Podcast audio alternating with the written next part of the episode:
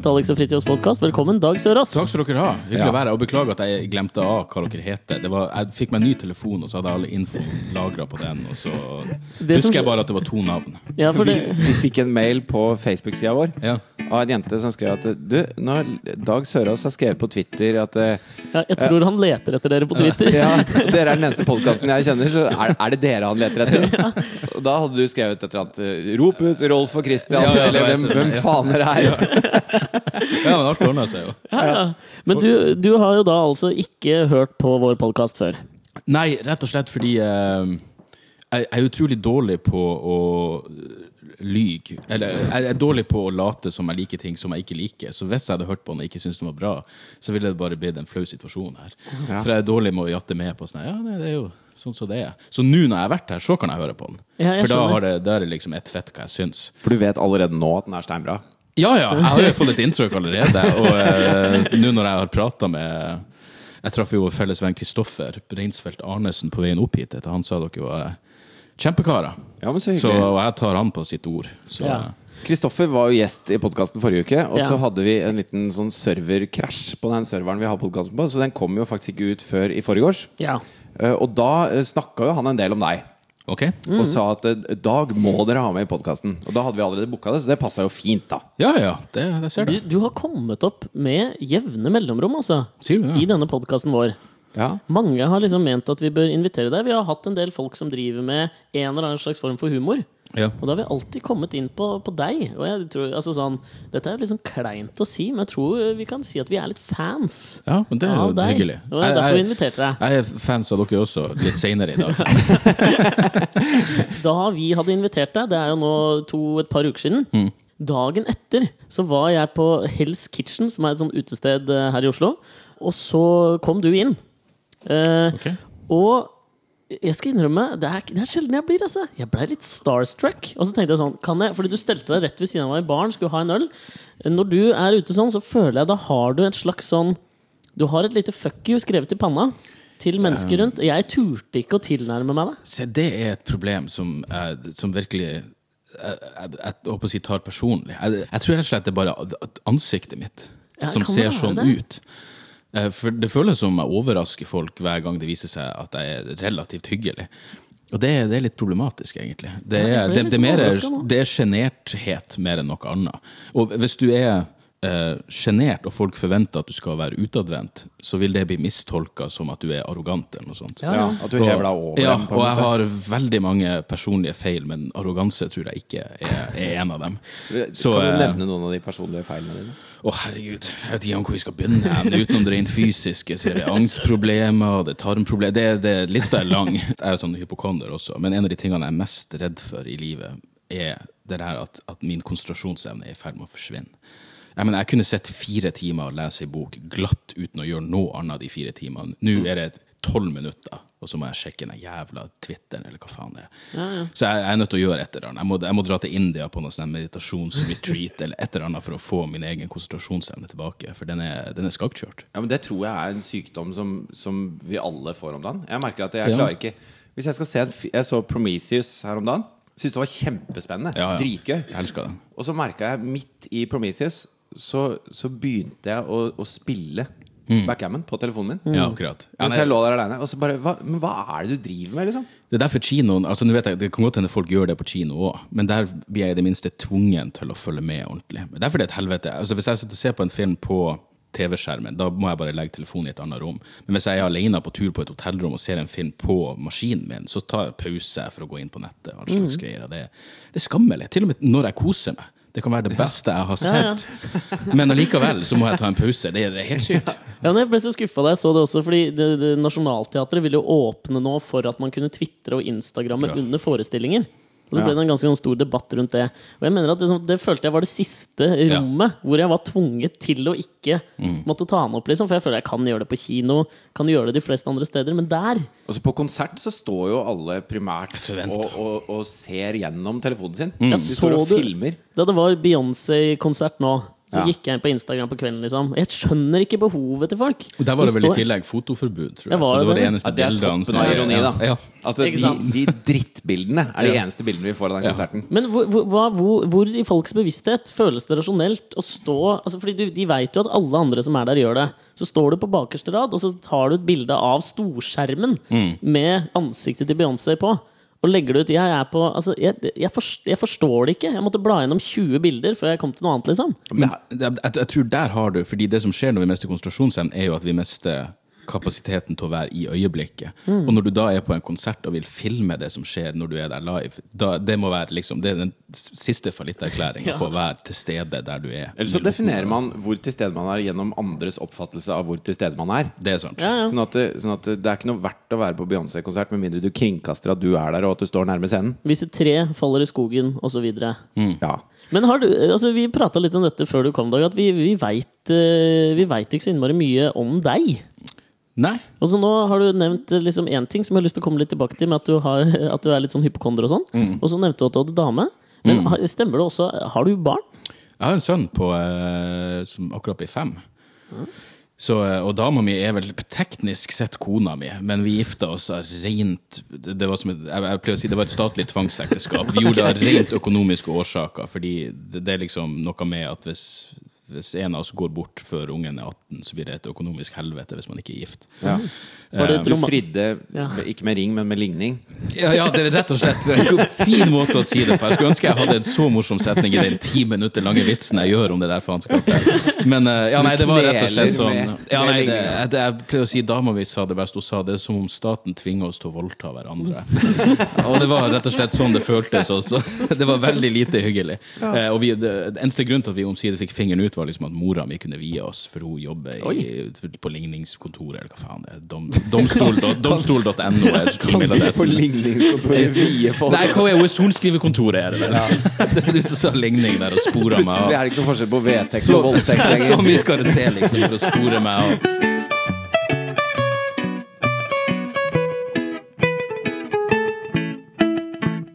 Ja, så jeg, Mitt liv er vel ganske sånn konvensjonelt på mange måter. Jeg føler liksom jeg, jeg får kombinert det der eh, jeg, jeg vil ikke engang kalle det utsvevende livet, men det der å reise rundt og feste og ha det artig og ha null ansvar halve uka, og så har jeg halve uka hvor jeg er den ansvarlige fyren som bare er hjemme og tar meg av, tar meg av ungen min. Jeg har jo sett eh, deg gjøre standup noen ganger. Blant annet på Standup Aid. eh, ganger. Og da føl, altså jeg føler at jeg blir Med gode standup-komikere så føler jeg at jeg blir godt kjent med dem. Ja. Eh, og en av de tingene jeg syns er veldig kult med deg, da, er at du du kommer ikke med Det er ikke så mye punchlines. Du, og det er ikke så mye vitser. Nei, Du jeg tror ikke jeg har vitser. Nei, jeg tror ikke det sjøl. Men, men uh, du er uh, Du er frittalende, og så, og så snakker du mye om ting som irriterer deg, og som, Mm. som du syns er kjipt og dust og urettferdig og alt mulig sånn. Og det, det er jo en helt annen skole standup enn den standupen som er vanligst i Norge. Ja, ja, absolutt. Det er så mange forskjellige måter å gjøre det på. og Det er derfor det Jeg har ingen jeg, jeg bare Jeg har funnet ut hva som funker for meg. Og det er ikke kritikk av noe som noen andre gjør, egentlig. Og jo da. Uh, jeg liker ikke uh, uh, Altså, det, men det, kritikk, selvfølgelig. Det, det, det er veldig få komikere jeg egentlig liker veldig godt. Men de eneste tingene som jeg føler man kan, man kan eh, kritisere åpenlyst, er stjeling av materiale. Ja. Liksom, det er sånn, ok, Hvis du gjør det, da er du et rasshold. Men hvis du bare gjør noe humor som ikke jeg liker, ok, det er forskjellig smak. Humor er jo det mest Har du ferska noen i å subjektive. stjele fra deg? Flere ganger. Men ikke, ikke fra meg. Ikke fra deg, nei. Nei, men jeg har jo sett komikere som har stjålet materiale, og sagt ifra til dem. Oi, hvem da? Eh, jeg sa ifra til Ørjan Burøe en gang, som eh, gjorde åtte minutter Louis C.K. på latter. Oi. Og det er sånn eh, det, Det skal det, er lang, det er en lang bit å ta. Ja, det, er, det, det er mye oversetting. Liksom. Jeg pleide å si, eh, og jeg vet at det var ting som stjal Janne i Anne Katz sitt show nå. Eh, Nå har ikke jeg sett det sjøl, men jeg snakka med flere komikere som var der, og vi har funnet det YouTube-klippet hvor hun har stjålet. Hvem er det hun har stjålet fra? Eh, Wanda Sykes heter hun, ei som var med i um, Hvis dere har sett Kirby Enthusiasm. Ja, ja. Hun er, hun er venninna av kona som Ja, ja. kritiserer han så hardt hele tida. Ja. Hun er også standup-komiker. Men selvfølgelig, av og til kan jo folk bare tenke likt. Det er jo helt Ja, det er jo mange, altså det er jo mange vitser som Hvis man leser aviser og sånn, så er det mye som blir spilt rett i fanget på folk. Mye er så åpenbart, og hvis noe kommer for lett til meg, så tenker jeg faen, det må da Det er sikkert noen som har sagt det. Hvis jeg kommer på noe som virker for åpenbart, så googler jeg det. Bare for å se om noen har sagt noe tilsvarende. Og hvis ikke det kommer opp, så gjør jeg det til noen måtte si at ok. Men målet må jo selvfølgelig være å finne ting som er såpass personlig at Eller ha sin egen vri på det. Men du, du nevnte også bare nå at det var noen komikere du likte. Men det er jo noe fint til lytterne òg. At man får noen tips om noen man bør sjekke ut. Som kanskje ikke er de der mest kjente. For der har du sikkert noe å komme med. Jeg liker, nå begynner Martin Beyer-Olsen er et fantastisk. Lars Berrum. De gjør liksom den ene absurde humoren veldig bra. Men i utlandet? I utlandet er det jo Det er liksom, det er Doug Stanhope, en amerikansk komiker, som jeg syns er den beste gjennom tiden. Jeg synes han er bedre enn Var det han du Har du varma opp for han? Ja. Flere både her i Norge, og eh, så gjorde jeg en uke i, i London med han, som var karrierehøydepunkt. Ja. Egentlig så jeg, jeg føler jeg har gjort det meste av det jeg har lyst til å gjøre. Det, det, jeg har liksom ikke Jeg, jeg åpna opp for han, jeg har gjort den Fringe-festivalen i Skottland, jeg har turnert mitt eget show.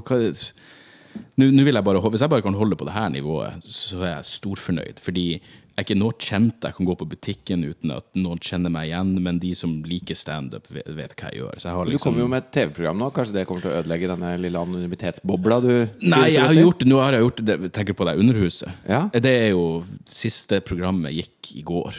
Og det har vel ikke akkurat ført til noe eksplosjon i min kjendisstatus. jeg føler at jeg er blitt mindre kjent etter å ha gjort det programmet.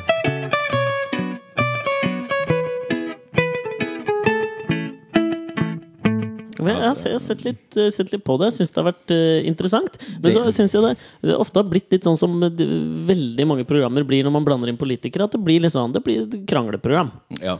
ja. Men jeg hadde lyst til å prate om det, Fordi at jeg husker så innmari godt de, der, de følelsene om urettferdighet og engasjement og sånn som man hadde når man var sånn 16 til 18. Man leste i avisa og bare Å, fy faen, dette her må vi sette en stopper for. Og jeg, jeg kunne skrive på plakater. Og, og man var sånn oppriktig engasjert. Ikke for ens eget ve og vel, men for andre. da For urettferdighet. Og det er noe så utrolig reint med det. Og så etter hvert som man blir eldre, så så prøver man jo å holde på den der rettferdighetstankegangen. Men det blir en mer og mer sånn teoretisk øvelse.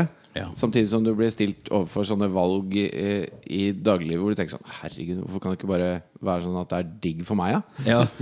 og, så, og så må du stå der inne i stemmeboden og tenke sånn Ok, digg for meg, digg for verden. Digg for meg, digg for verden.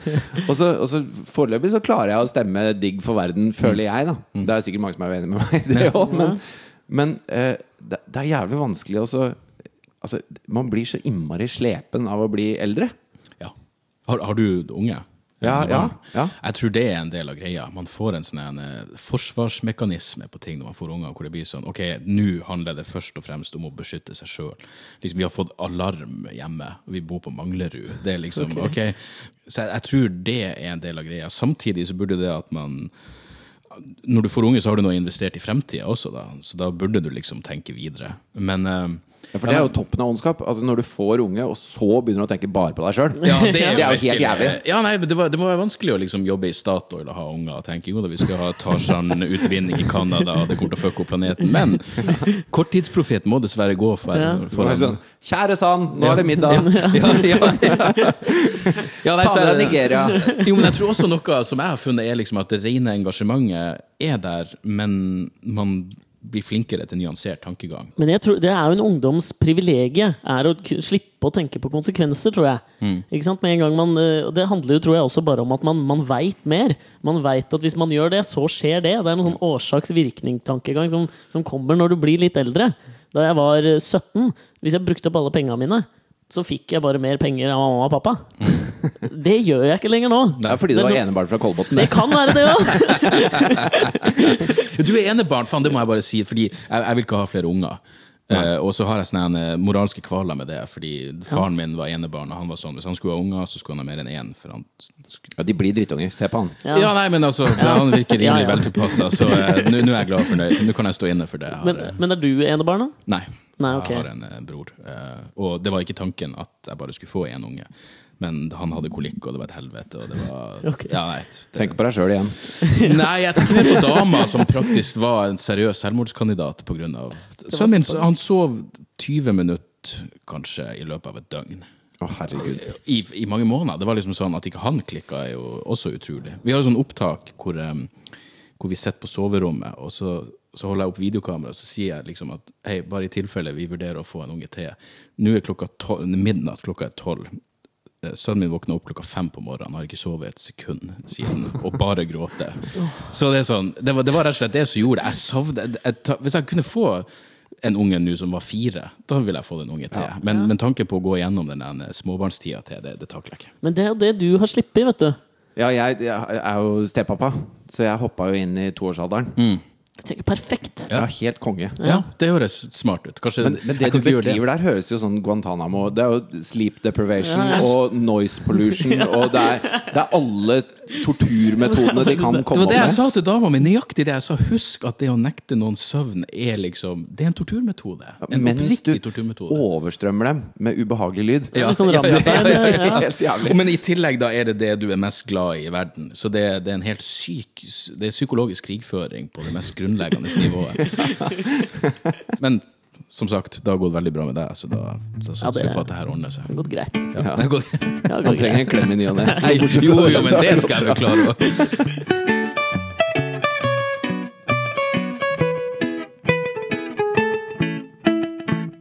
I forhold til det også stemme på det som betyr noe for deg og sånn. Jeg har veldig problemer med å gråte. Og Det har jeg hatt veldig lenge. Og så når jeg skulle i den der navnefesten på søndag til datteren til søsteren min, så ville mamma eh, synge 'Tenke sjæl' av Trond-Viggo. Ja. Så jeg skulle lære meg å tenke sjæl på gitar.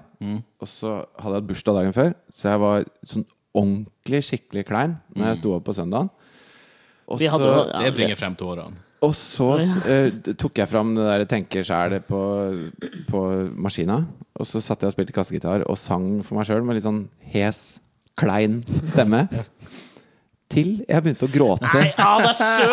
Var det det som skulle til? Så rørt! Var du så rørt av hvor flink du var? Nei, nei, nei, det hadde ikke noe med min forestilling Men jeg tror den sart, altså jeg fikk veldig sart stemme, da. Ja. Og det hjalp på den teksten. Men Du ble problem- rørt av deg sjøl. Nei, det var ikke meg sjøl, men det var Du sa det akkurat din sarte stemmen jeg fikk.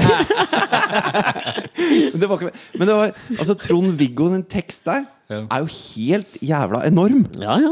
Og den er sånn eh, Den er ikke men slutt, da. Hør er ferdig, da. Det var ikke meg Det, var det er ikke okay. sånn Bettan-takter på Nei, meg skjønner, da. skjønner. Men, men i hvert fall eh, Den teksten da den, den gikk liksom rett inn eh, hos meg. Mm. For den, det er en tekst som bare handler om deg sjøl, da, når du sitter og synger den.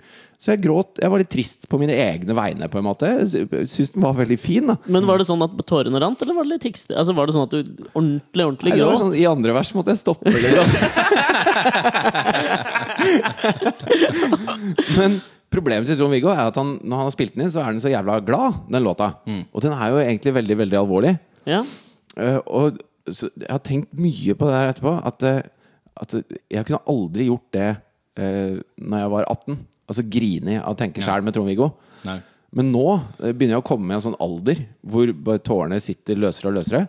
Og så jeg kan se 'Taxi to the Dark Side' om, om fanger som blir satt i Abu Ghraib. Og så tenker jeg å, fy faen, så jævlige greier.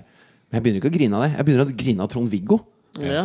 Og det, det syns jeg er et bilde på hvordan man stemmer mer og mer til å tilpasse seg Det er sjøl. sånn Ja, en ja, fin ja. metafor. Ja. ja, kanskje det er noe i det. Jeg tror ikke det er nødvendigvis at det, det at man er mindre følsom for ting. Men det, det å tørre, eller det å, tørre, det å begynne å grine, tror jeg rett og slett bare har med at man er mer Ikke bare trygg på seg sjøl, men at du gir mer faen. Du er nådd en alder hvor det ikke har så mye å si. Noen ser deg gråte når du er 18, så er det jo katastrofalt. Men jeg må innrømme at jeg er rimelig åpen på å gråte, men jeg blir flau av og til over hva jeg kan ta til tårene over som jeg sitter og ser på sammen med dama mi. Det er liksom jeg, Du burde ikke gråte av Arrested Development. Det liksom sånn, så, så Det kommer bare an på dagsformen.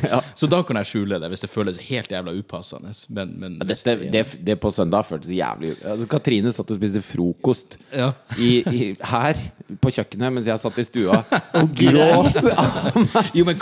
Kunne det underbevisst ha vært at du assosierte det med eh, karabiniesa di? Nei, ingenting Ingenting med, med det å gjøre, ok. Overhodet. Kun meg selv. Ah, okay. Ja, men, fordi, men- nei, fordi at, men den teksten er jo veldig sånn derre Hvordan er teksten igjen? Jeg husker den ikke. Nei, det går jo veldig på at uh, du, du Men du, kan vi, Du kan, kan vi spille av en 15 sekunder av den, eller? La oss høre litt på Tenke sjæl. Ok. Ja, Du vekker deg sjæl og kjenner deg helt aleine. Gøy om alle vi begynner å grine nå. Jeg er ikke fyllesyk, så det skal det til. Stå for det du gjør sjæl. Kan du si når cirka du begynte å grine? Aleine lager jeg mat. Aleine, for nå må du finne Jo, men nå skjønner jeg, jeg skjønner nok eh, hva dette ga gjenklang i hos deg. Altså, du er redd for å bli forlatt. Du er redd for å være alene. Du er redd Ja, men det, for det, det var Altså, det er den derre når du skal ut av redet, da. Det, det var ikke det at du var så redd for at du skulle fremføre låta så jævlig at alle bare skulle gå fra deg. Jeg vet, hva, det, har jeg, det har jeg gjort en lang, en lang og tro karriere av allerede. Så det er jeg ikke noe redd for. Men, men det var det derre altså når, du, når du for første gang skjønner at det, nå har du ikke noe sikkerhetsnett lenger. Nå, det du gjør nå, det må du stå for. Og du er helt aleine i det valget. Og, og driter du deg ut, så, så driter du deg ut. Og, og alle driter seg ut. Og jeg bare ble litt rørt, da. Ja, men jeg skjønner. Det er noe vakkert over det. Det er noe vakkert over at det er de bitte, bitte små tingene som gjør at du, føler om det nå var liksom en sånn slags sorg, eller om det blir sånn eufori. Jeg merka det nå da For jeg føler litt det der Jeg føler litt det samme at det, liksom, det skal veldig mye til før jeg får noen store følelser i kroppen lenger. De store følelsene har liksom blitt avkutta på toppen og i bunn. Ja. Og så var jeg, leverte jeg en eksamen på universitetet nå, og liksom akkurat i det liksom Bam! Levert. Da fikk jeg en sånn derre Oi! Kan jeg føle altså, En sånn enorm euforifølelse som liksom jeg ikke har kjent på dritlenge. Jeg kan jo bli rørt av det nå, men på en annen måte. liksom Men det skal så innmari Jeg må spisse det så mye. Det må være så innmari stort før det skjer noe. Så jeg begynner å bli bekymra hvis jeg får barn. At jeg kanskje er så redd for å ikke få den følelsen. Tenk om jeg ikke blir liksom sånn Ja, det, ikke vær redd for det. Det tror jeg kommer også. Jeg, jeg, jeg, et par ganger i løpet av året kan jeg få det der hvor jeg bare begynner å gråte uten at det egentlig er noen grunn. Ja, ja. At bare sitter der og grå. Og da har jeg sånn Men da er det sånn at det er godt. Ja, er ja, det er sånn, og det kan sikkert sitte i en halvtime, og så er det over, og så skammer jeg meg litt, og så er vi ferdig med det. Når var det sist? Jeg tror nok det har skjedd i år. Jeg tror det kanskje skjedde i februar, hvor jeg bare satt der og ikke gjorde noen ting, og plutselig bare gråt. Men det, det, da, det, hvis det samler seg opp med sånne jævla hverdagsfrustrasjoner og ditt og datt, så hvis du tar inn over det jeg, Av og til føler jeg meg som den Tenker du sånn og det, det er dårlig gjort. Det er dårlig, det er dårlig gjort at de sier det til meg. Nei, nei, og ingenting sånn Ingen selvmedlidenhet uh, uh, akkurat der og da. Men kun sånn Jeg vet ikke hvorfor jeg gråt, men det føles 100 korrekt nå. Og uh, jeg kommer til å føle meg bedre etterpå. Så, eh, men av og til så er det sånn Liksom Du sier du ser Taxi to the Dark Side uten å gråte. Jeg tenker av og til jeg må jo være det mest horrible mennesket i verden som ser sånne ting og bare sitter og tenker hvordan kan jeg gjøre det her morsomt? Hvor er humoren i det her? Jeg holdt på med en sånn bok om Kongo, den jævligste plassen i verden. Og det er sånn 500 siders bok med lidelse, og så tenker jeg kanskje jeg får fem minutter ut av det her. Det er jo, det er jo egentlig da jeg, jeg, Av og til føler jeg meg verre enn de som bare ikke bryr seg. For de er i det minste ærlige på det. Ja, men Du går i hvert fall en ekstra tankerunde i det du leser her. da Når du leter etter noe stoff i det. Sånn som jeg husker eh, jeg så deg og du snakka om at de hadde bygd et nytt gjerde i Israel. Mellom Israel og Palestina. Ja. Og at de selv kaller det et gjerde. Ja. Og så er det en to meter tykk, åtte meter høy betongmur. Ja, ja. Og, det, og da lo jeg også godt når Ja. du snakka om det. Og det, det materialet har nok jeg stjålet av deg på fest Ja, men senere. er kjøre Men ikke offentlig, altså. Nei, nei, ikke nei, ikke offentlig.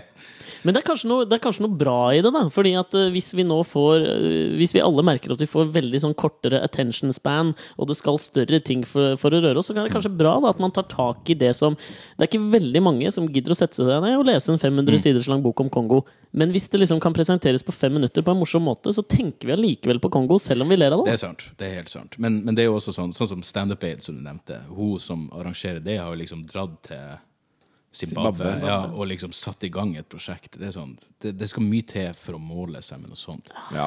Folk Det er derfor jeg hater når det, jeg hater, altså, Det er forståelig, men av og til er folk sånn Å, det er modig å stå og prate om ditt og da. Modig?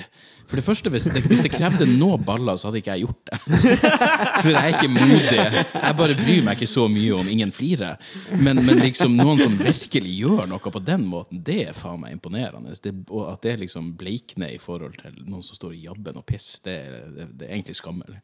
Eh, Så jeg tror nok der ligger det en sånn hvis du er, det en, er en rimelig engasjert person, men hvis du er engasjert og ikke tar det engasjementet noe videre enn å gi penger til det du føler er gode organisasjoner, møte opp på en eller annen demonstrasjon, så vil det alltid være en sånn skyldfølelse i bakhodet som jeg nok lever med kontinuerlig. Det er liksom en del av meg som tenker at jeg burde ofra meg fullt ut til noe godt. Men jeg er altfor glad i et komfortabelt liv til å gjøre det. Jeg kjenner meg igjen. ass. Mm. Der tror jeg hele Norge kan Ja. kjenne seg ganske Ja. godt igjen. Ja. Men det er jo, man har jo en sånn derre altså Når du ser noe, noe drit på TV, da Når Al Shabaab eh, hakker ned folk i For å høre på musikk. Ja. altså, eller når en jente på landsbygda i Pakistan steines fordi hun ble voldtatt av alle kompisene til pappaen hennes, eller det er bare helt Ja. sånne forferdelige ting, så hører du det på radio og ser det på TV, og så har du en sånn der du har en sånn skumgummimadrass mellom det som faktisk har skjedd, og, og det at du tar det innover deg. Mens hvis eh, hvis, noen, eh, eh, hvis jeg velter ølen til noen på Ryes plass, og, og de skal banke meg, da er ikke den skumgummimadrassen her. Da, da tar jeg plutselig innover meg den, den smerten Ja. dette her er. Ja, ja. Og, og det, kanskje man må reise til eh, de stedene for å så oppleve det på ordentlig. For å så klare å sette det i perspektiv.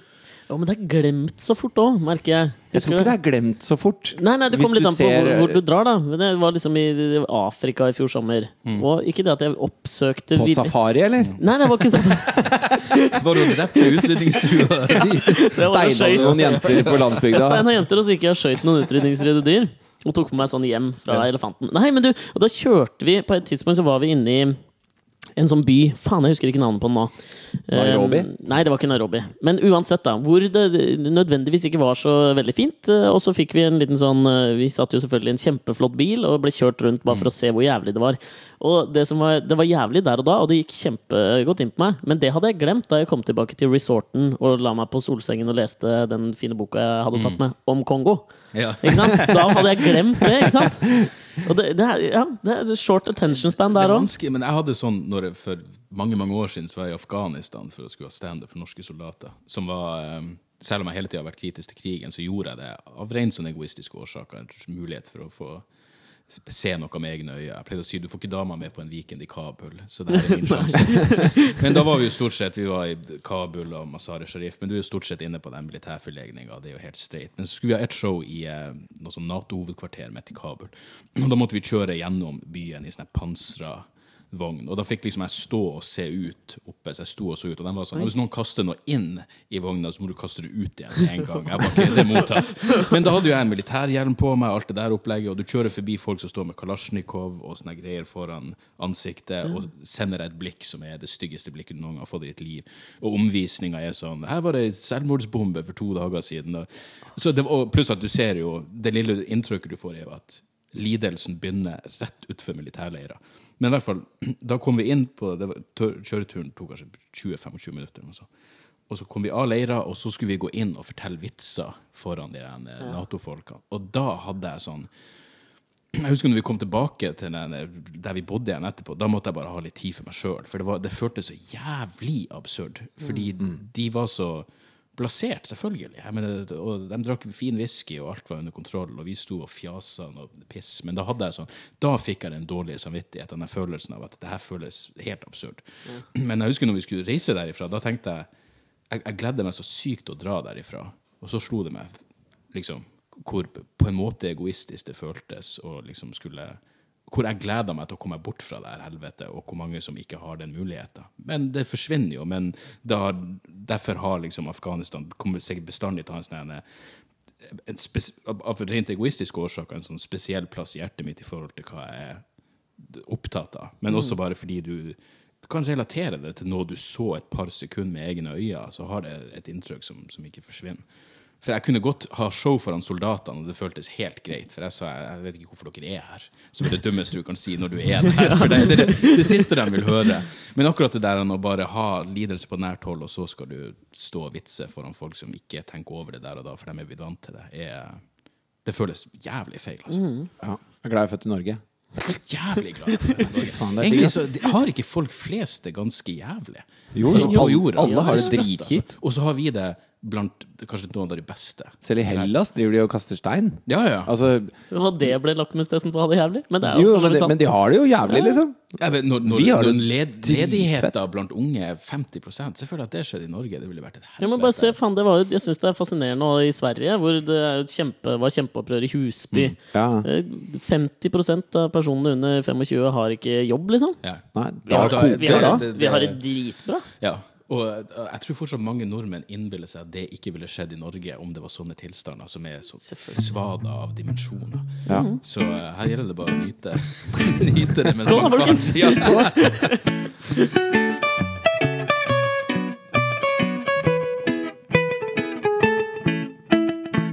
Dette som jeg skal ta opp nå, føles ekstremt trivielt kontra det vi har pratet om til nå. Skal du irritere deg over bomringprisen eller noe sånt? da? Ja, hvordan visste du det?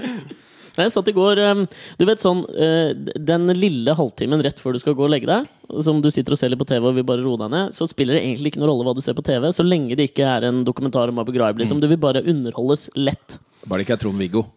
Da begynner jeg å grine. Jeg kan ikke legge meg på grin. Um, men da switcha jeg over på NRK3, som har begynt å sende Entourage. Kjenner dere til serien? Som jeg i utgangspunktet fulgte med på litt før, og sånn, og så bare falt jeg helt av. Jeg syns den er helt Jeg har ikke sett den, jeg, bare vet hva det er. Ja. Jeg synes at du så på den, og der var det, um, der var det en scene hvor uh, han hovedpersonen, som da er en uh, Hollywood-skuespiller, stjerne, sier, sier til manageren sin at hvis han ikke får denne filmrollen, vet du hva, slapp av, da bare gjør vi en ny reklame, og så har jeg et par millioner dollar da. Og så kom, og så, i det jeg skulle liksom skru over og legge meg, så bare switcha jeg gjennom noen kanaler, og så kom jeg over en reklame som jeg ikke har sett før. Som var for uh, bettingsiden på nettet som heter mariabingo.com. Som er en sånn norsk bettingside. Og så var det for faen meg hun Agnes Kittelsen, som var da mariabingo.coms nye ansikt utad. Dette tok jeg ikke. Jeg kan skjønne Har det ikke vært skrevet mye om det? At uh, det var masse avisartikler om at hun ødelegger karrieren sin, og dette ja, er det helt krise og sånn? Ja, dette har jeg ikke sett. Jeg, Jo, visste, jeg, hadde, jeg fikk i hvert fall sjokk da jeg så henne. De har jo pak pakketert det så hun sitter i et slags sånn Jane Austensk samfunn. Ja, ja. Og at det liksom er skuespill, tenker jeg de har sagt Ja. til henne. ikke sant? Det var noen, eh, det var noen nå gjør jeg gåseøyne, eksperter på kommunikasjon Ja, de hater. Ja. som mente, eh, basert på sin ekspertkunnskap, Mm. at nå, nå var Agnes Kittelsen da i fritt fall, og at ingen Ja. kunne ta henne seriøst etter dette her. Hvor hun uh, sa tilbake at uh, hun var jævlig fornøyd med opptakssituasjonen og likte regissøren veldig godt, og syntes at reklamen ble fin. Mm. Og at den ikke ødela noe for hennes troverdighet på noen måte. Tatt i betraktning at jeg har gjort 47 reklamefilmer for Opplysningskontoret for kjøtt. Så er jeg litt på Agnes sitt lag i denne debatten her. Ja, nei, men ikke sant Det handler om hvor du starter, tenker jeg da. Agnes Kittelsen for meg starter som kona til Thor Heyerdahl eller dama til Max Manus, liksom. Ja. Der, derfra er fallhøyden større, beklager, enn fra å ha vært litt kjent fra sonen på TV 2. Mener jeg. Det var ikke Sonen.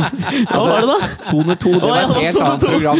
Sonen var sånn fucking eh, Sånn eh, tekstmeldingprogram på nattsted. Sol Ja, 2 var et, et, et program med gjester og. Ja, det var et okay, ja, men, du, Talkshow. men du skjønner hva jeg mener? En seriøs skuespiller. Så jeg, bare, jeg, da, jeg Jeg var jo en seriøs uh, rockegitarist. Jeg sto på scenen, og så når vi kom på scenen, så sto Jarle der og, og bare Jarle Bernhoft sto «Oi!» Og så svarte hele Kongeparken russe-fuckings svarte mat og kjøtthue, liksom. det, det suger fint, det. ja, Altså. nei, men ikke sant, Det er der, ikke sant? Det er det som jeg tror kommer til å skje med Agnes Kittelsen. Men jeg begynte jo å tenke gjennom hele prosessen. jeg måtte jeg gi dette. alle halvparten av pengene, bare for å Du måtte det? Nei da, men eh, jo. jo Hvem skulle fått halvparten av pengene til Agnes Kittelsen? Det måtte jo ha vært disse regissørene som skal lage Pirates of Caribbean 5. Uansett. Det jeg tenker som tenker Skal hun være med i Pirates of Caribbean? Jeg klarte ikke å si Nei, det. men disse regissørene som har laga Kon-Tiki Max Manus, ble vel bekrefta nå at skal regissere Pirates of the Caribbean 5. Jeg skjønner. Som jo Er han oss- kommet opp i fem? Ja, la oss ta en liten avsekker avstikker. I samme her. Og jeg tenkte sånn Det, det der er en film i fritt fall, og så slås det opp enormt i norske byer. Liksom, nå skjer det i Hollywood! Det skjer ikke i Hollywood. Femmeren. Harald Svartegjør Skrik 12. Ja, ikke sant? Det er litt det samme. Men ja, dette med Agnes Kittelsen fikk meg litt til å tenke. Da. Nummer én, det der, eh, hvordan de har solgt inn Når jeg bare ser for meg det kommunikasjonsbyrået som kommer til Agnes Kittelsen og sier liksom Vet du hva, vi har en reklamefilm for deg.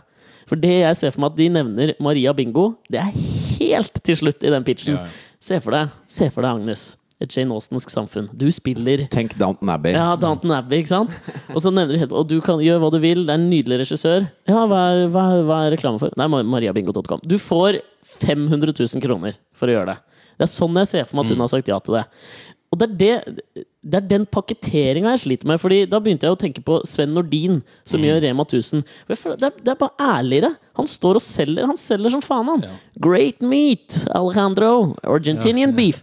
Det er så mye ærligere, skjønner du? Ja, jeg må si, altså, jeg jeg har ingen problem Hvis du vil gjøre reklamefilm eh, Billig som jeg likte hadde noe vits om at hvis du gjorde en reklamefilm, så hadde du ingen kunstnerisk integritet igjen. Og det er sånn eh, eh, selvhøytidelig pissprat.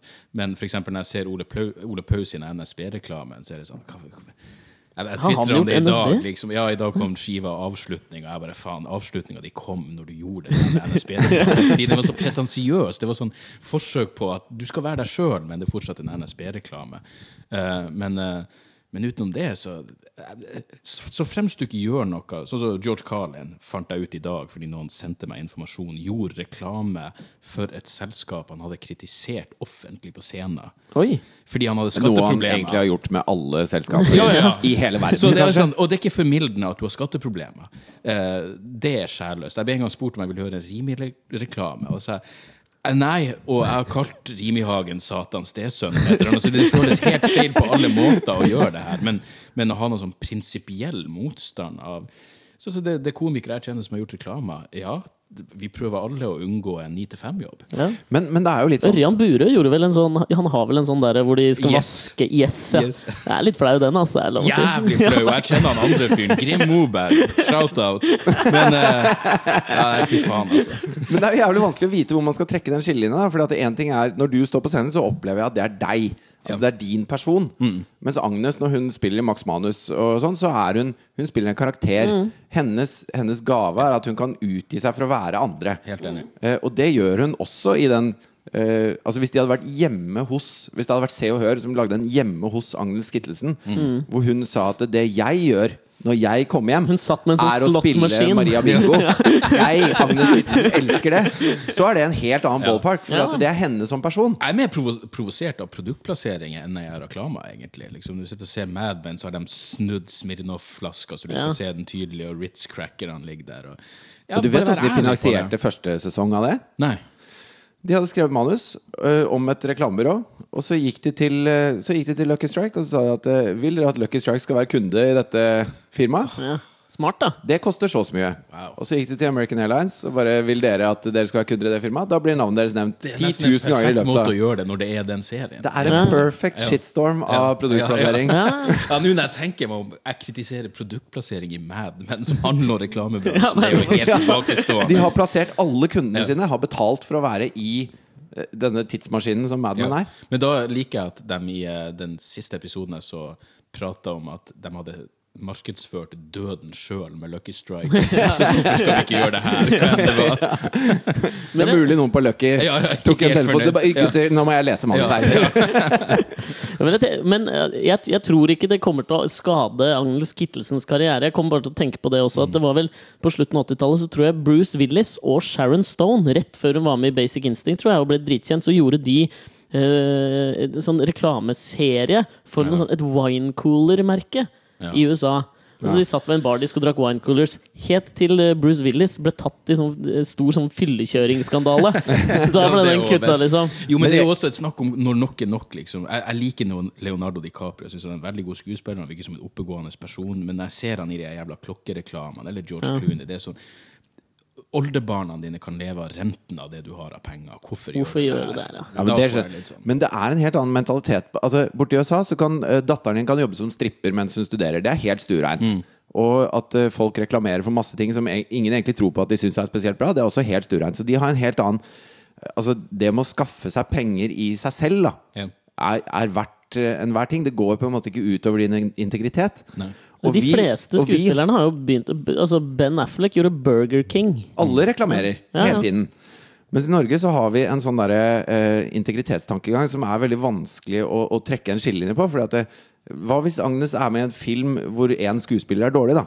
Eller hvor, hvor manuset er dritt, eller slutten er dårlig, eller er, det- Går det utover henne som skuespiller, eller er det filmen som er dårlig? Altså, det er jo masse sånne ting som er vanskelig å Kanskje det Maria Bingo er en bedre produsert uh, ting på TV enn mange filmer hun har vært med i. altså, Sykt jo- lykkelig. Større budsjett. ja, større budsjett og ja. fet eh, location, liksom. Ja, men altså, nå skal jeg bare er moderere meg litt. plottet i den her Maria Bingo var ganske tynn. tynn. Syltynn. Men, men skjønner du, altså, det er bare pakketeringa jeg sliter med. Når du prøver å lure meg til å tro at dette er noe mer, Ja. og for å få med henne, så må vi gjøre det til noe liksom sånn estetisk vakkert, liksom. Mm. Det er da jeg liker liksom den derre Jeg skjønner at Sven Nordin har fått to millioner kroner, som jeg tror han har fått, for å dra og spille inn og spise biff, liksom. Ja. Jeg skjønner at han måtte ha minst to millioner for å gjøre reklamen der. Ja, Jeg er helt er enig i ikke det. enig at bare sånn tydeligheten? Det er den jeg liker. Ikke, ikke, jeg, jeg trenger ikke noe lureri. Bare Ja, men Er det ikke på tide at vi slutter å være så jævlig selvhøytidelige med det med integritet? At vi, at vi liksom er litt ærlige med oss Når, sjøl? når, når Kvelertak fikk de jævla Statoil-pengene, så Ja. forsvarte de det vel med å si at prøv å finne noe pris du kan få som ikke har et eller annet olje, Mm. olje Alt blir blodpenger på et eller annet vis Ja. i Norge på grunn av det. Så det er liksom sånn Thea, altså, hun seksåringen skal ikke få lov til å gå på skole, for det er finansiert av oljepenger. Ja, ja. Altså, Hun, hun skal være hjemme og se på dokumentarer om Abu, Abu Ghraib til hun er smart. Ja. Men så fremst du ikke gjør noe med det, så har det jo ingenting å si. Det Nei, er. Men samtidig så, så har jeg tenkt, sånn som når jeg hadde turné, så var det snakk om sponsing av plakaten. Jeg vil ikke ha noe spons, men hvis det er noe jeg kan stå inne for Jeg skulle gjerne hatt Nå er det ulovlig med alkoholreklame, men Heineken kunne gjerne sponsa plakaten min. Ville du latt Redd Barna sponse plakaten din? Vel vitende om at det er en veldig god sak, men Ja. da tar du penger fra barna. Ja, sånn sett, ja. Jeg tar betalt for alle veldedighetsjobber jeg gjør uansett. Ja, nei. nei, det ville blitt spesielt. Men hvis det var noe som ja, hvis, absolutt ville sponsa meg, så ville det vært helt, helt ok. For jeg bruker jo penger på deres produkter uansett. Ja, for jeg tenkte på dette her da, da jeg begynte å tenke på det, og vi skulle ha deg i podkasten, så begynte jeg å tenke sånn Hvilke produkter er eh, forenlige med Dag Sørås sitt image? Og det var jo fort de du har nevnt nå. Band, Bandet Machine Head kunne også sponsa deg. Ja, det er noe sånt. I høyeste grad. Nei, men jeg, jeg er jo en sponsor, for faen. Ja. Så ja, nei, jeg, jeg vet ikke. Det, det, igjen, det er veldig lett å ha en sånn svart-hvitt tankegang på det. Jeg personlig har jeg ikke noe lyst til å gjøre reklame, men jeg får jo like vondt i meg når, eh, når det er en god sak. får jeg vondt i meg. Når jeg ser Stian Blipp, som jeg liker veldig godt, gjør den der planfaddergreien hvor eh, jeg går ikke tom for ord så ofte, men av og til mm. Så får jeg sånn ah, Gud i himmelen, altså. Gi penger til planfader, men, men det der er bare unødvendig. Jeg er planfader, men jeg kunne aldri gjort en sånn reklame. Det, det ville Kan ikke du gjøre en liten radioreklame for Planfadderbarn nå? ja. ja, det kan jeg. Gi nå for faen 250 kroner i måneden. Det tilsvarer fire halvlitere. Har du ikke noe hjerte, bli planfader. Det, det, det skal ikke mer til enn det. Hvis jeg legger liksom- 1000 kroner på bordet, kan du gjøre en reklame for Rema 1000 da? Nei, det kan jeg virkelig. Men samtidig, jeg har jo masse produkt hjemme som jeg bruker, så hva faen er det liksom Men eh, ja, nei. Jeg, jeg, jeg bare syns det begrepet hore er litt sånn uh, lite det, det er ikke klart nok definert når folk er sånn 'Å, du er reklamehore'. Nei, vi er alle hore. Men det er lov å være hore. Det er hallik som ikke er lov i Norge. Det Er hallik som ikke er sånn, lov, ja. Men Så det er reklamebyråene vi skal ta, ikke hallik for- horene. Jeg er en hallik for mine egne tanker, da. Det er liksom det, det er hore ut mine egne tanker. Så hva faen er det forskjellen? Vi prøver alle å bare ikke måtte jobbe ordentlig. Det er det som er hele greia. Hva faen er problemet? Du driver med tanketrafficking. Ja, det syns ja. jeg er jævlig bra.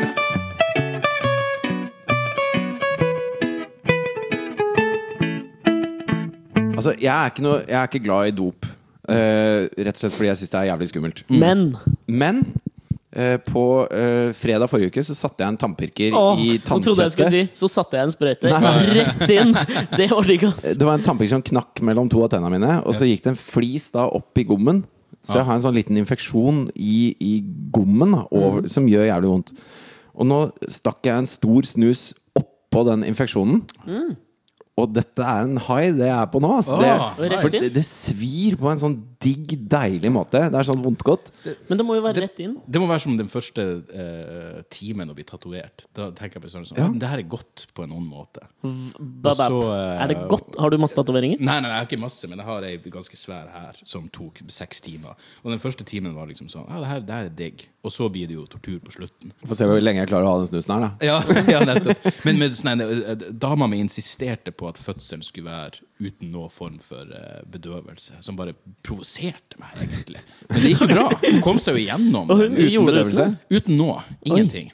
Eh, og det, Det var ikke i vann eller noe heller? Eh, nei. Det var bare jeg på å si, Jeg vet ikke hva ordet er engang. Det var meat and. Det var, eh, Rett fra levra. ja, det var rett fra leverfødsel. Jeg husker til og med det var sånn, jeg, For jeg måtte holde meg. Jeg, hadde, jeg, jeg kjenner en som, som liksom sto og så på underlivet til dama under fødselen. Det var sånn, Det er som alien. Jeg bare Nei, jeg holder meg oppe med hodet hennes og var i ferd med å svime av. Men jeg husker de hadde samla sammen alt det der morkake og faenskap i ei sånn bøtte. Som de klarte å, og da var jeg i ferd med å svime av, og så velta de bøtta på vei ut. Nei. Så alt for utover gulvet, og da er det, det er intenst. Var det da du begynte å be om epidural Det var da jeg ville ha lystgass eller et eller annet. Men det er faen meg det verste som jeg satt og så på den norske filmen Uskyld her forleden dag. Og der kommer det altså sånn helt ut av det blå en fødescene hvor de bare går bang rett inn. Ass. Og det er tydeligvis filma fra en ekte oi. fødsel. Det er så innmari dårlig gjort. Ja, det, det er Det skal, man skal jo ikke se det. Jeg har jo ikke vært med på noen fødsler noen gang, men jeg tenker at hvis jeg hadde sett min kone i den settingen noen gang, så ville jeg aldri klart å vende tilbake til det området. Jo, det går overraskende. Okay. Ja, ja. Det er, det er null stress. For meg er dette en rent hypotetisk øvelse, men, eh, Ja, men ja, ja. Det er Det er kanskje feil, feil punkt å innrømme at jeg ble kåt av fødsel. Nei, men Du blir jo bedt om å ta det med ro i en sju-åtte uker, men det, det, blir, det blir sånn som det var i utgangspunktet igjen. Det gjør faktisk Det gjør det. Ja, ja, ja. Det, Det er det samme. Man glemmer det òg. Fort. ja, ja, ja, absolutt. Men eh, jeg, jeg, jeg kom ikke på noe videre der, jeg.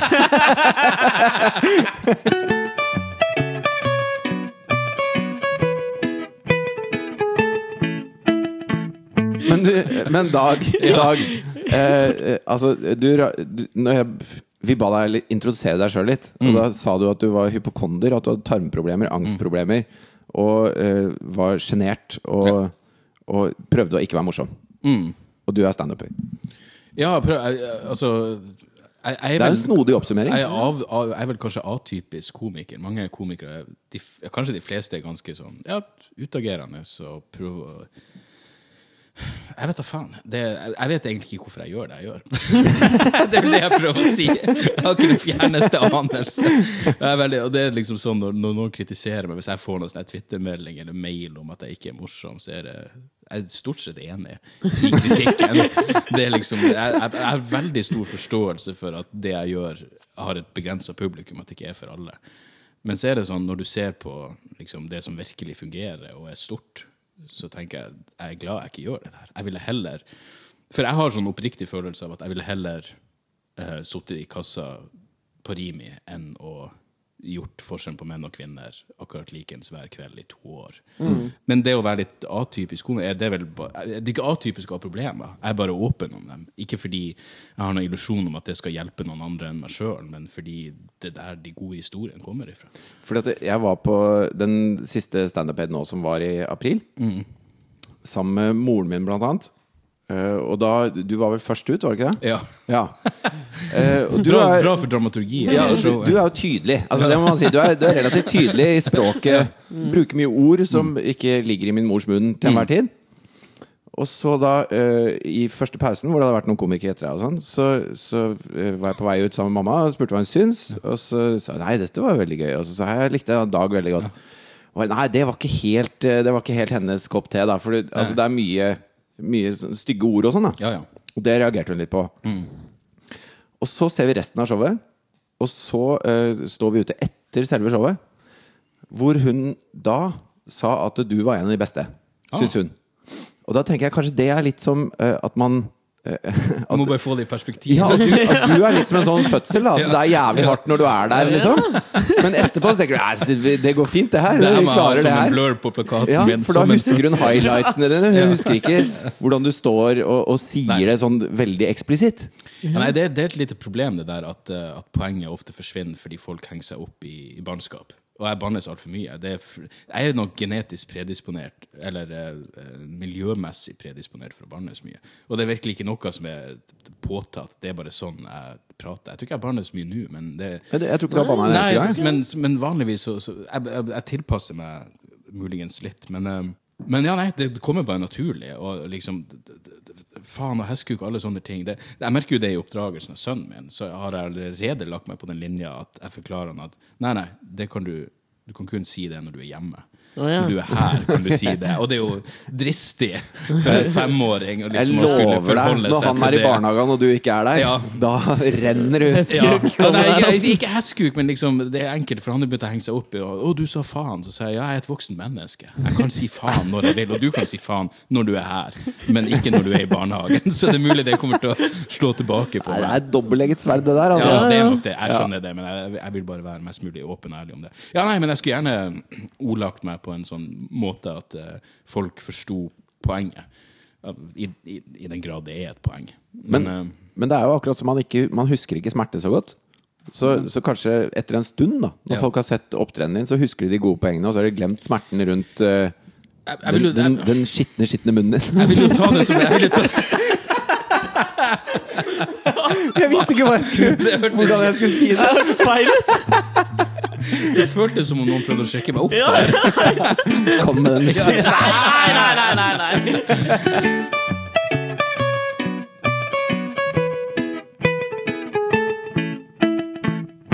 Kristoffer, som var her forrige uke, fortalte en veldig morsom historie om deg. Ja, faen, okay. gjør. Ja, eh, hvor du eh, Om angst. Hvor dere hadde vært på Svalbard. Ja. Og så på vei hjem så hadde du stått på, på Gardermoen. Og så hadde du begynt å høre stemmer.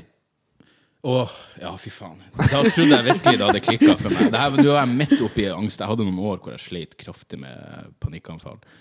Og eh, så har de en sånn jævla greie hvor hvis du står under den på Gardermoen, en sånn høyttaler du faen ikke ser, så er det stemmer som hvisker. Så Det, så det virkelig føles som du er besatt av noe sånt. Det var sånn absurd jævla Eksorsisten-scene hvor jeg bare tenkte Jeg tror jeg til og med sa høyt for meg sjøl Nå er jeg faen meg klikka. Nå er det bikka over. Nå har jeg faen meg stemma i hodet.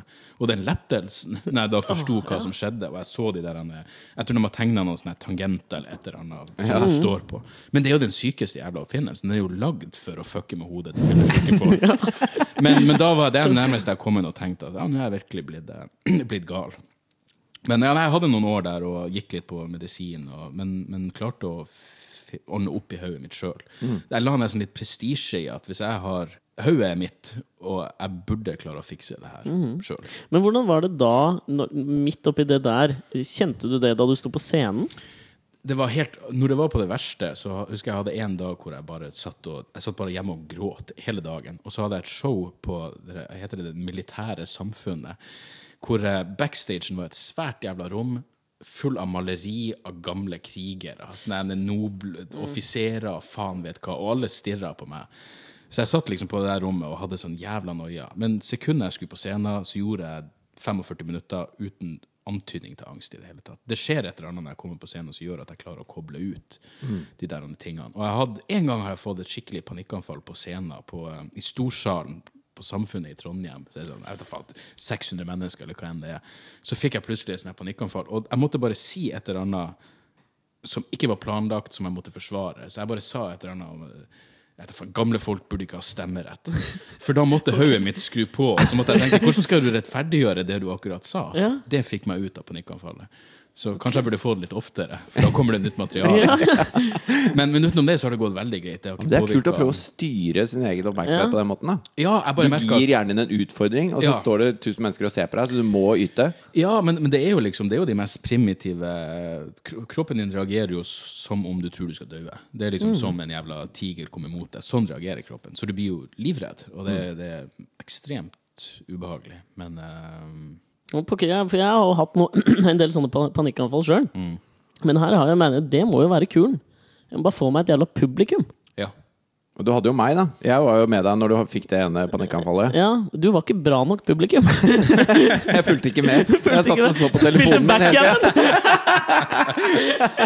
du ferdig med å tro at du dør. Ja. Du dør ikke, slapp av nå. Ja, nei, men jeg, jeg kjenner folk som har ringt eh, Som har oppsøkt legevakta, og eh, som har ja, ringt ambulansen. Og Man tror man får hjerteinfarkt, ikke sant? Yep. Altså, vi, eh, når det skjedde med Alexander, så var jo vi på et fly. Ja. Og da ble vi jo møtt av ambulansen når vi landa, mm. og, og var, såpass. var på sjukehuset. Og Litt sånn EKG og hele greia. det var helt sjukt. Jeg kjente ikke fyren igjen. Ja. Skulle vi kjøre fra Var det landa Alta? Og så skulle Nei, vi vi, vi landa i Tromsø. landa i Tromsø, Skulle kjøre til Alta. kjøre til Alta. Vi skulle egentlig fly videre til Alta, ja. men vi måtte liksom hoppe av der. Og da var det, når vi kjørte bil da, og så, måtte, så satt Alex eh, ved siden av meg med teppe rundt skuldrene, og så måtte han tisse. Mm. Så måtte vi stoppe, og så uh, måtte jeg da sånn halvveis bære han. For han klarte nesten ikke å gå. Og jeg, jeg tror, for, for meg som aldri har hatt det, da, så, så var det Det var veldig lærerikt å se hvor, hvor blodig alvor det greiene der er. Ja, ja. Ja, det er helt, eh, det er helt ubeskrivelig jævlig. Det er en komiker som heter Jon Skau, som nå ja. er helt over på noe alternativ greie. Kan ikke han blitt scientolog eller noe? Ja, ja, han er, han er halvvis klikka. Ja. Han, er, han er veldig spirituell og veldig Han har ikke klikka. Han, er- han er egentlig veldig fin på det, fordi han, han presser ikke på andre, men han er overbevist om ja, at det, livet handler om mye mer enn det vi opplever her og nå, åpenbart. Men i hvert fall, han sleit med panikkanfall, og så jeg fortalte han om det. Vi var på en tur i lag, så jeg, så jeg blir rar nå, så er det panikkanfall. Så det var han som liksom eh, fortalte meg om den medisinen han hadde tatt som beroliga han. Og når jeg da traff han igjen senere og fortalte at jeg hadde fått medisin, at det gikk bedre, den oppriktige empatien som var i øynene hans når han forsto at jeg hadde det bedre, for han vet hvor jævlig det er, så han setter seg inn i hvordan jeg har det, og når han da ser at jeg har det bedre, så var det sånn ja, det er et av de mest menneskelige øyeblikkene jeg noen gang har hatt med noen. Eh, fordi, ja, det, det er noe det, det er det jævligste har opplevd noen gang. Ja, ja. Fordi du, du er så jævlig redd. Du er overbevist at nå er, er det over. Og så blir man jævlig aleine i det. For det er umulig å Ja, ja. helt forklare Og det, det. det kan vare, For meg så varer det alt fra fem sekunder til Jeg hadde en gang i syv timer i strekk. Og jeg satt på et tog, og det er sånn Og så sier de liksom prater med legen sånn, sånn Det er ikke farlig. Det er bare, men det kan da ikke være bra? Å ha puls som Northug på slutten i syv timer i strekk, det her kan ikke være sunt. Nei? Men, eh, men, eh, men har, du, har du hatt det flere ganger? Ja, ja, masse, masse ganger. Men det er akkurat det samme, og det kan vare, kan komme. Mm. Og så kan det være over på et sekund. Det er jo et eller annet underbevisst i hodet sitt som Det er et eller annet problem man ikke har tatt tak i. Mm. Men du fikk det jo ikke før du møtte meg og begynte å jobbe med meg. Dette, nå begynner vi å nøste i noe. Skal jeg gå ut av rommet nå, eller? La oss se hvordan det går da. Nei, men det er jo ofte sånn Problemet mitt var jo at jeg, jeg fikk det på flyet også, og da, da enda kan det trigge å komme tilbake på flyet, fordi det, det, det har festa seg i hodet ditt. Ja, ja. Jeg fly nå, da er det valium og en liten rødvin. For Ja, meg, ass. Det går ikke uten det. Nei, men det er bedre det enn å, Ja, ja. enn å lide seg gjennom det der faenskapet. Og det blir jo litt morsommere, det blir plutselig morsommere når man lander òg. Det er bedre med selvmedisinering enn selvplaging. Mye, mye bedre. Ja. Der har du det. Helt enig. Du oppsummerer så mye, mye Ja, ja, fint i Jeg har ikke noe mer å bidra med. Jeg, jeg er angstfri Nei, er og, og lever herrens glade dager. Du griner bare og tenker sjæl. Ja, ja. Jeg griner av noen fine barnelåter, og ellers har jeg det jævlig bra. Livet smiler, gutta.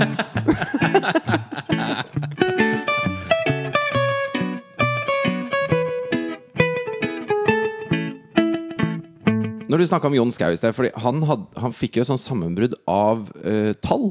Altså, Det var regninger som dytta han over Ja. kanten.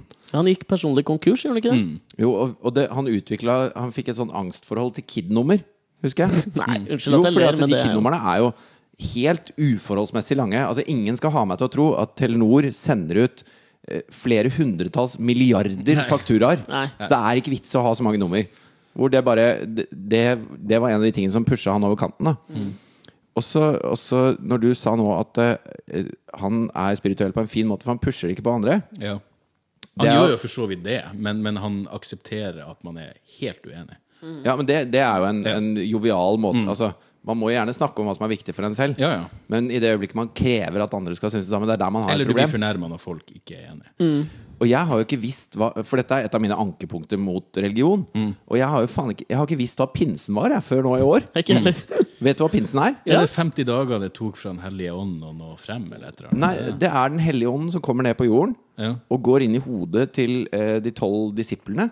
Ah, ok. Og gir det var, dem men det var da Det var- tok 50 fyr- dager. Ja, 46 dager Ja, eller ok, noe sånt. Ja. Han måtte sikkert ønske Jesus velkommen tilbake. Det var vedpost. Ja. Ikke så nøye. ja. Eh, og, så, og så går han Den hellige ånd Jeg sier han, jeg. Hen. Hen. Hen går inn i hodet på disse tolv disiplene og gir dem makten til å, å prate alle språk i hele verden. Og gir dem da eh, misjonsbudskapet at du skal ut og spre dette her. Så det jeg egentlig har noe imot med kristendommen, er jo pinsen. Ja, ikke sant? Det er der problemet Det er der problemet ligger. Det er ikke Jesus og Gud jeg har trøbbel med, det er den jævla hellige ånden. Ja, men samtidig tenker jeg sånn som jeg, jeg pleier å gå bananas på det jævla Jehovas vitner de dukker opp på døra. Og der jeg bodde på Mortensrud før, så eh, Ja, altså at jeg, jeg, jeg stiller konfronterende spørsmål. Og eh, prøve å gi dem Richard Dawkins-bøker, hvis de lover å lese dem. og alt det der. Jeg, jeg pleide å vitse om at jeg tror de kom mye på Mortensrud, for der er det mye muslimer. Der, så de har liksom folk som er genetisk predisponert for eventyr. Ikke genetisk, det, de er predisponert for å tro på eventyr, og så skal de vri dem over fra Hans og Grete til de tre små grisene, og så er vi på Men, men, men liksom, så slo det meg at Men faen, er det ikke enda verre å være Jehovas vitne og ha den, over, den overtrua og være hellig overbevist om at det er sant, og så ikke prøve å omvende andre? Da Ja, er ja. du et rass. Hvis du bare sitter i kjelleren til mor og ikke gjør noe, og tenker jeg skal nå til himmelen. Jeg er en av de 144, Ja, ja, ja. liksom. Fy faen, for en ansvarsforskrivelse det er! Så er mer sympati for de som faktisk prøver å gjøre det de tror er godt. Jeg hadde jo en i klassen min på ungdomsskolen som så kom Jehovas vitner og, og ringte på hjemme hos han. Og så sa han ja, ja, kom inn. Og tok de med inn i kjellerstua. Og så låste han det inne der. Oh. Han gikk for å hente kaffe til dem. da Ja. Og så låste han inne og lot de sitte der en time. Nei. Okay. Fordi at Det fordi at det, og så kom han ned og så sa han at eh, dere kom hit for å kaste bort min tid. Nå har jeg kasta bort deres. Det er Oi. Øye for øye. Poetic justice. Ja, Ja, ja. ja, for øye. Teori for teori. Ja. den er, jeg, jeg klarer ikke det. Altså sånn, Konfrontasjoner med fremmede folk er, det funker ikke for meg. Parallellen er jeg var hos eh, legen her forleden dag. Og så hadde jeg med meg to aviser inn i venterommet. Og der ligger det jo alltid en eh, massevis av blader og aviser. og alt mulig sånn Så jeg setter meg ned med de to avisene jeg hadde tatt med hjemmefra. Legger den ene ned ved siden av meg og leser den andre. Og så kommer det en fyr og setter seg ved siden av meg og plukker opp min avis. Og der er det et bitte, bitte lite vindu hvor du kan si fra, tenker jeg. Ja. Og liksom, du, det er min avis. Men samtidig og så tenkte jeg, Men så begynte jeg å tenke med en gang Nei, men altså, han, Jeg leser jo ikke den. Jeg, han må jo få men, men så blir jeg kalt inn til legen mens han fortsatt leser min. og der oppstår mitt problem. Skal jeg si fra til han nå? For jeg har jo veldig lyst til å lese den avisa og slippe å kjøpe den på nytt. Jeg abonnerer jo tross alt på den. Og så ble jeg bare stående og se på den helt til han spurte liksom, hva er det Ja. Og da klarte jeg ikke å si det heller, så jeg måtte bare gå og så bare gikk jeg til legen. Ah, der tror jeg faktisk jeg, jeg, jeg, jeg skjønner nøyaktig hva du mener. Jeg mener. Før jeg kom hit, så var jeg for å levere eh, sønnen min sin sykkel. Det, det er ikke luft i forhjulen, er helt ny, og når du pumper det Det er sikkert bare hold i slangen, men jeg tenker det er en ny jævla sykkel. Dere får skifte den jævla slangen. Sette i en ny slange. Og da når jeg kom dit, så var han bare sånn Var det det du sa? Nei, nei, nei, nei jeg, var, jeg var veldig høflig. Men når jeg kom dit og forklarte problemet, så ga han meg bare en ny slange. Og sa han, ja, du bare skift den. Og da burde jeg selvfølgelig sagt det her må dere gjøre. Og det var det som endte opp med å skje, for jeg sa jeg, jeg kan ikke gjøre det her. Det her er altfor komplisert for meg. Og så sa Robert, kan du Så fikser de det der og da. Men da var det en sånn situasjon hvor jeg mest sannsynlig bare ville tatt slangen og gått, fordi jeg hater de konfrontasjonene. Det virker smålig og alt det der. Men i det, det tilfellet så tror jeg bare jeg ville sagt Rett og slett, det der er min avis. Gidder du bare legge den igjen der når du går? Eller et eller annet sånt. sagt. Ja, det er den gid- For det er liksom ikke Men gutter, det er dette dere får angst av, vet du. At dere ikke tør å gjøre de greiene her. Ja, det er kanskje Det det. er jo ikke så Ja. farlig. Nei, nei, det er ikke farlig i det hele tatt, egentlig. Men jeg er bare veldig var for Sånn som når Hvis du er på en restaurant og noen begynner å klage på mat Ja, Jeg syns til og med det er flaut Ja, når, når de er ber dem smake på vin. Ja, ja, Jeg syns ja. det er ukomfortabelt. På sånn Syns du noe Ja, men fuck, ok, hva faen?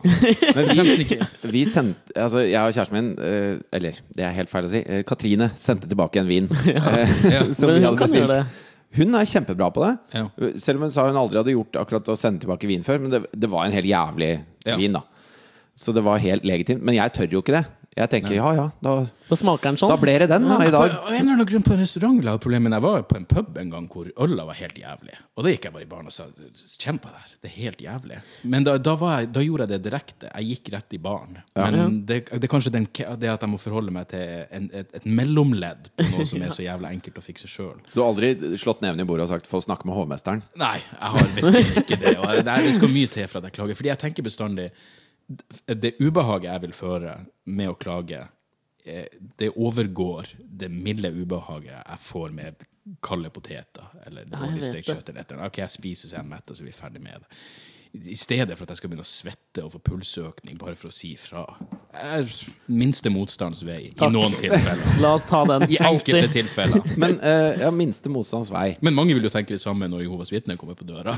Bare jatt med å ta det er jeg jævlig vakttårnet. nysgjerrig på med hele Jehovas vitner. Er, funker det? Altså, får de det til med noen i det hele tatt? Men de må, altså Hvis Når ikke, så hadde de vel ikke fortsatt, tenker jeg. Jo, men det er jo som de er Det er jo som om, det er jo som om et, altså, RV skal gå til Frp og, og, og prøve å overbevise dem om innvandringspolitikk. Ja, ja. Altså, Det er fucked i utgangspunktet, da. Og så har de ingen Men jeg- mitt inntrykk er at nå er det sånn at hvis du begynner Straks de ser at du har noe eh, kunnskap eller meninger, så, så, så er det liksom over med en gang. De er liksom sånn, ja, ok.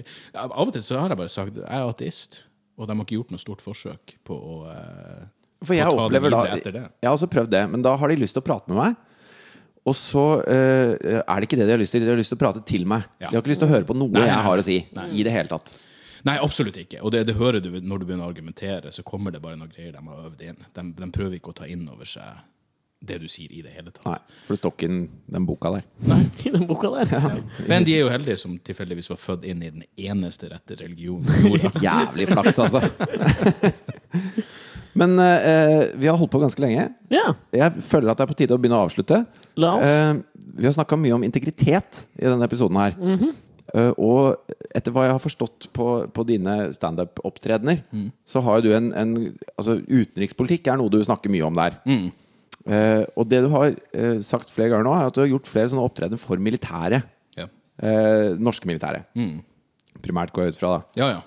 Jeg har ikke fått noen invitasjoner til amerikanske, Amerikanske eller det israelske. Det. Det ligger vel ikke rett rundt hjørnet heller. De. Men er det en interessekonflikt for deg? Er det noe som går utover din integritet? Nei, det er egentlig ikke det. Det eneste, altså For det første er ikke noe problem med at Norge har et forsvar. Så det å gjøre forsvarsjobber De er 18-åringer som er akkurat like uh, lite reflektert som jeg var da jeg var 18 år. Var Men Norge har også et angrep. Ja, ja, vi har et angrep. Det er det vi burde kalle det. Bare kalle det angrepet. Så når jeg dro til Afghanistan, var det nok den eneste gangen jeg måtte reflektere over om det her var noe jeg kunne stå inne for. Det er mer interessekonflikter. Eksempel, jeg gjorde en jobb em, Jeg trodde jeg skulle gjøre noe for energimølla i Kong, Kongsberg. Ja. Kongo, trodde jeg skulle. Nei, i Kongsberg. Og så viste det seg, og de sto på kontrakter, og det var Kongsberg og ditt og datt, og så viste det seg at det var Kongsberg-gruppa, våpenprodusenter. Våpen, ja. Og, da, og det fikk jeg vite når jeg satt backstage, fordi jeg gjør dårlig forarbeid. Uh, og da, da var det Ante virkelig ikke en hvem vi sånn var, for nei, eksempel. nei, men da var det altså, Jeg vil ikke sette meg inn i hva Kongsberg-gruppa gjør for etter showet. For da er det lettere. Nei, men da var det en sånn Kan jeg gjøre det her? Og da ble det jo dårlig stemning, fordi jeg prata til dem som om de levde av mord. Eh, men da måtte jeg gi bort noe av pengene etterpå for å kunne leve med meg sjøl. Det var Ja. liksom sånn, ok, jeg må gi bort en del av de pengene, for hvis ikke så føles det feil. Men uh, Men jeg er glad du sier en del. Hvor mye følte burde du, jo jeg burde egentlig gitt gi bort du 25 fortjente? Ja. Men da regner jeg jo Det var jo også fordi det ble såpass dårlig stemning at jeg føler jeg ødela kvelden deres. At det, var, det utgjorde 75% av honoraret mitt, bare det. Men jeg føler at du henter inn integriteten der. Ja. At du går i hvert fall opp der og er deg sjøl. Ja, jeg, jeg, jeg kunne aldri Altså, jeg, jeg, kunne Jeg tror jeg kunne gjort standup for alle. Jeg ville gjort for Vigrid. Det eneste kriteriet jeg egentlig har, er at jeg må få lov til å si hva jeg vil. Ja. Um, Du er ikke fornøyd Du er ikke fornøyd med Vigrid-opptredenen din hvis du ikke får bank av Vigrid etterpå? Nei, de må i hvert fall være, de må i hvert fall være misfornøyd med bookinga. Det er helt sikkert. Jeg har gjort de fleste partiene, og da, da kritiserer jeg dem. Enten det, hvis, hvis det er Rødt, så kritiserer jeg dem for å være for feige til å kritisere islam, og SV har jeg hatt før. Og det er alle, selv, selv de som jeg er enig med, eh, klarer jeg alltid å, å finne og, og kritisere dem. For, jo, men det er der humoren ligger for Ja. meg. Liksom. Jeg pleide å si "K- hva skal, jeg, hva skal jeg ha positiv humor? Hele livet mitt er helt topp, og jeg elsker dama og sønnen min. Det var jævlig artig. men det er akkurat samme la oss musikk. fokusere på det som er kjipt. Det Det går ikke an å skrive musikktekster om eh, Nå er alt bare fett. nei, du Det er helt det. Eller Infinity fikk det jo til. Ja, Men eh, walking, siden on, det walking on Sunshine. Fet låt. Casey and the Sunshine Band. Ja, er ikke det? Nei, Katrina and the Waves. Tusen takk for meg. ja, Jo, men sånne låter, da vet du at vokalisten har barnelik i skapet. Det, det er ja, noen mørke Det er Gary Ja, Glitter. Ja, det er Gary Glitter. Men vi er i hvert fall veldig fornøyd med bookinga. Ja, det har vært en, en glede og en ære å ha deg her i dag. Det her var, det her var helt topp, og uh, jeg skal legge inn et varmt ord om uh, dere skal ha andre komikere. Ja, Ja. men Så koselig. Så vet du det at høydepunktet i karrieren din var nå ei lenger den festivalen i Skottland? Ja. Det var- Eller når Nå du er det her. Nå er det dette her. Nå kan jeg omsider trekke meg tilbake. Ja, nå kan du slå deg til ro. Vær så god. Ja. Hvis dere har noen eh, spørsmål, ris eller ros, så send mail til alexogfritjof.gmail.com. Eller så kan dere spørre oss og like oss på Facebook. Der heter vi Alex og Fritjofs podkast. Ja. skal jeg gjøre. Gjør det. Gjør det. Ha Takk det! for meg. Det var jævlig hyggelig.